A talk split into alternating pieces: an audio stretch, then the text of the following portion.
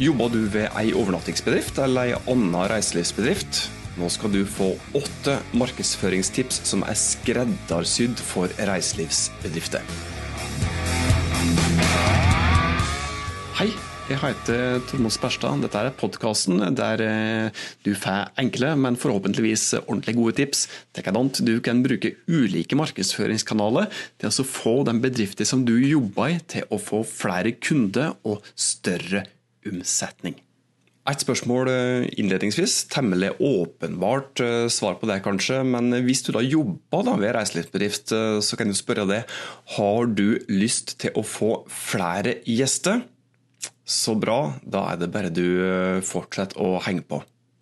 Det er jo lett å gå seg vill i en jungel av markedsføringskanaler når du skal markedsføre Prøve å finne ut hva som fungerer best for å markedsføre f.eks. et hotell. Skal du velge Facebook, skal du velge Instagram, eh, eller kanskje du skal velge Snapchat? Og er egentlig Twitch noe så snuse litt på? Kanskje du òg bør takke ja når en eller annen nettkatalogleverandør ringer og lover deg gull og grønne skoger og super synlighet eh, hele tida hvis du betaler en fast sum i året. Det er jo ikke lett å navigere i denne markedsføringsjungelen når det er så fryktelig mye å velge i der ute. Spesielt ikke når du helt sikkert har nok å gjøre i løpet av arbeidsdagen din eh, fra før av. Så Derfor så skal du få noen konkrete tips som kan gjøre hverdagen din litt enklere. Første tipset er at eh, du bør se litt på hvordan du framstår visuelt sett utad. Har du en ålreit profil? Har den bedriften som du jobber i, den visuelle innpakningen som den egentlig fortjener? For du bør altså ha det visuelle på stell en god logo, gjerne som en del av en gjennomarbeidet visuell identitet, den kan være helt avgjørende for at potensielle kunder som har funnet det, faktisk får tillit til at du er den rette å velge når de skal bla opp lommeboka si eller dra kortet. Men husk da at det hjelper lite å ha verdens lekreste visuelle fasade dersom produktet ditt er dårlig uansett hvor mange lag med sminke du legger på grisen, så vil jo en gris være en gris uansett uh, hva du gjør. Det neste tipset er at du bør bruke Google aktivt. og Dette er en no-brainer. Tenk over hva du sjøl gjør når du f.eks. skal finne deg et eh, ålreit sted og så overnatte når du skal på storbyferie i Berlin, eller kanskje ta ei langhelg i Trondheim eller Ålesund. Du gjør garantert et søk i Google, og du klikker antageligvis på et av de forslagene som du får på et av de første resultatsidene etter at du har gjort et søk. Dersom du ikke er godt synlig i Google på andre søkeord enn bedriftsnavnet ditt, selvsagt skal du være synlig på bedriftsnavnet ditt òg, men eh, det bør du greie uansett. Det er egentlig verdens enkleste ting. Men det er de generelle søkeordene som er relevante for det produktene, de tjenestene som du tilbyr, som virkelig betyr noe. F.eks. overnatting i Ålesund. Da er det et hotell, hotell i, Oversund, i Ålesund, så er det helt kritisk å rangere ålreit eh, i Google på akkurat den type søk. Så Er du ikke godt nok eh, synlig i Google, altså, så får du rett og slett langt færre kunder enn det som du ideelt sett kunne ha fått. Det er mange grep som du kan ta for å bli godt synlig i, i Google, og bruke oppføringer som du garantert har i Google My Business eller Google Min bedrift. Det er et av de enkleste stedene som du, som du, kan starte for å bli synlig i Google.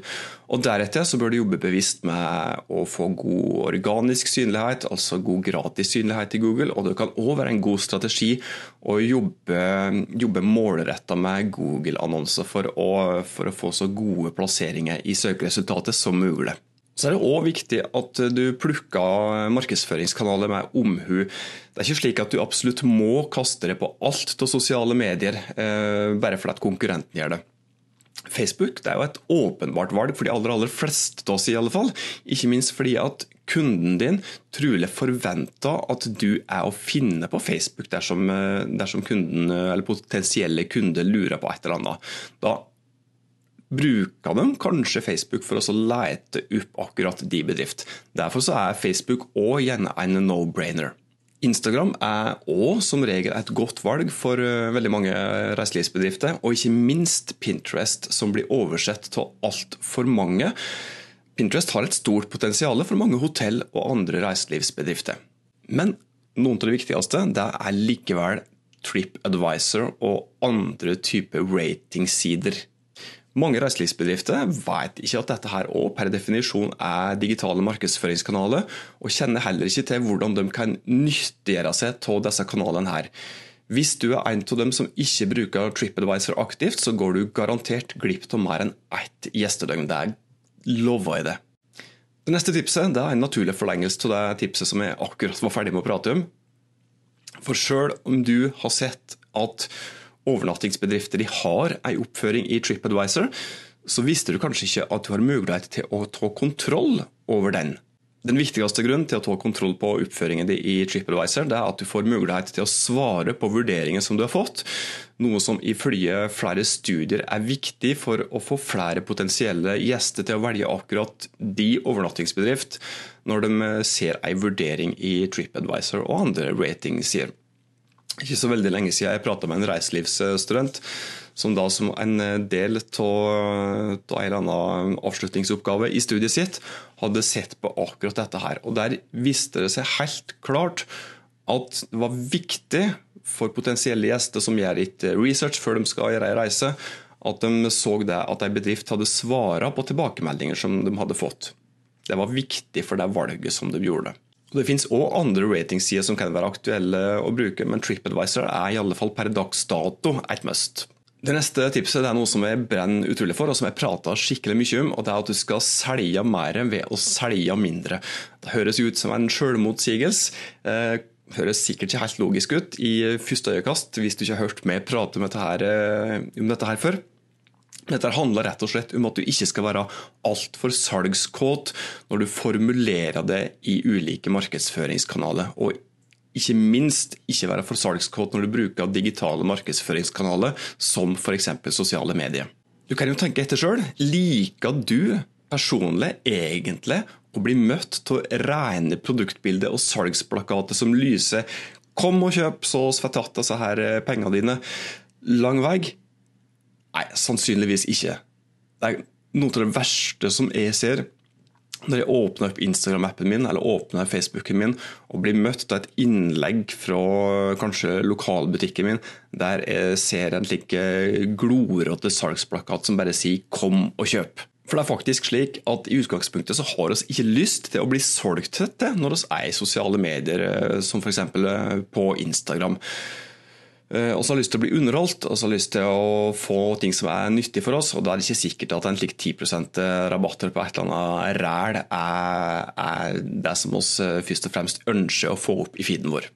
Du bør heller bruke mest mulig tid på å bygge gode relasjoner med potensielle kunder. og Det gjør du bl.a. ved å gi dem innhold som de vil ha, i stedet for å prøve å pushe på dem ting som de i utgangspunktet ikke har lyst til å få informasjon om. Og så går det an å være litt kreativ òg. Hvis du pakker inn salgsbudskapet ditt på en god måte, så kan du faktisk eh, selge mer på den eh, måten. Så er det viktig å være kritisk til kataloghaier eller katalogleverandører i det hele tatt, eh, mener jeg. Og hvis du noen gang har vært usikker på om du egentlig gjorde noe smart etter at du takka ja til avtale fra en nettkatalogleverandør som, som ringte og lovde deg suveren synlighet på nett ved å betale en fast pris eh, i året. Ja, Da er du garantert ikke enslig. Eh, jeg har vært borti den situasjonen sjøl, veldig, veldig mange år siden nå. Eh, men klokt og skada, han. Jeg gjorde litt research, prata vel faktisk til 15 år tilbake nå. Så var det jo slik at dette var jo egentlig bare tull å betale for. Og Fremdeles så kommer jeg faktisk over bedrifter som betaler kanskje en 30 000-40 000 i året på katalogoppføringer som de strengt tatt ikke trenger å ha. Rene informasjonsoppføringer med grunnleggende kontaktinformasjon det er faktisk noe som nettkataloger, mange nettkataloger henter automatisk fra sentrale register uten at du som bedrift trenger å betale noe som helst for det. Så Mi subjektive, men særdeles markedsføringsfaglige, jeg vil si solide vurdering, det er derfor at du bør tenke deg om før du går for betalingsoppføringa fra katalogheiet som da lover deg god synlighet på nett hvis du betaler for mer enn en slik grunnoppføring. Det neste tipset det er at du må ha en nettside. Med jevne mellomrom så hører oss i, i DMT, som er byrået der jeg jobber i, eh, kunde som sier det at nei, vi trenger ikke ei, ei nettside, vi trenger ikke hjemmeside, oss, eh, fordi vi bruker jo Facebook. Og Hvis du tilhører den katalogen som tror at Facebook kan erstatte hjemmesida di, da spiller du rett og slett russisk rulett med bedriftsøkonomien din som innsats. For sannheten er at nettsida di er faktisk en av svært få markedsføringskanaler som du har 100% eierskap til. Det er faktisk slik at Facebook-sida til bedrifter i, det er det Facebook som eier. Det er Mark Zuckerberg, Facebook-sjefen og kollegaen hans, som eier Facebook-sida di. Og Synligheten som du får på Facebook, Facebook, den er fullt og helt prisgitt alle endringene som Facebook gjør fortløpende, og de er det tonnevis av. De gjør fortløpende endringer hele tida. Har du f.eks. tenkt på hva som skjer hvis Facebook fjerner alt av gratis synlighet for bedrifter og gjør det helt umulig å markedsføre ei reiselivsbedrift, med mindre du kjøper annonseplass? Dersom noe slik skulle skje, og du har brukt alt av markedsføringsressurser på bare Facebook, så kan du beint fram være skikkelig ille ute. Det siste tipset i denne gang om hvordan du kan markedsføre ei reiselivsbedrift, det er at du bruker e-postmarkedsføring eh, riktig. Alle hotell og andre reiselivsbedrifter sitter på et solid knippe med e-postadresser. og Hvis du har vært bevisst i gjerningsøyeblikket når du har registrert disse adressene her, og faktisk følger de lovene og de retningslinjene som gjelder for hvordan du kan bruke disse eh, adressene, da sitter du rett og slett på ei potensiell gullgruve. altså. Fordi at e-postmarkedsføring, bare for å nevne det, eh, e-postmarkedsføring er jo da det som veldig mange kaller for, eh, for nyhetsbrev. Men det er rett og slett e-postmarkedsføring. Det er pratum. Det er en og samme ting. E-postmarkedsføring det er en av de markedsføringskanalene der du har mulighet til å få mest mulig igjen for hver eneste krone du bruker. Eh, det er vel fremdeles eh, enkelte som sier det at, eh, at, du har mulighet til å få en ROI, en return on investment, på, på borti 40 ganger når du bruker e-postmarkedsføring. Det betyr at for hver krone du putter inn i ressurser på e-postmarkedsføring, så kan du faktisk få 40 kroner tilbake. Forutsetningen er derimot at du gjør det riktig, at du tar de riktige grepene som skal til for å få utsendelsen som du har eh, i e-postmarkedsføringsverktøyet ditt, til å gjøre det som du vil at det skal gjøre. F.eks. At, at du vil at de skal bestille et nytt hotellopphold ved overnattingsbedriften din. Da hadde vi kommet til veis ende i dagens podkastepisode. Jeg er skikkelig glad for at eh, du tok deg tid til å høre på denne episoden. her. Hvis du hadde nytte av dagens tips, så blir jeg ordentlig glad hvis du tipser den andre om podkasten. Hvis du har ønske om eh, ting som vi skal ta opp i denne podkastserien her, eh, kanskje du har spørsmål eh, om markedsføring, send meg en DM på Insta, så lover jeg å komme tilbake til det med et personlig svar så fort som det er mulig å få det til. Og hvis du ikke gjør det fra før, abonner på podkasten da er du sikker på at du ikke går glipp av neste episode med matnyttige markedsføringstips for målbevisste bedrifter.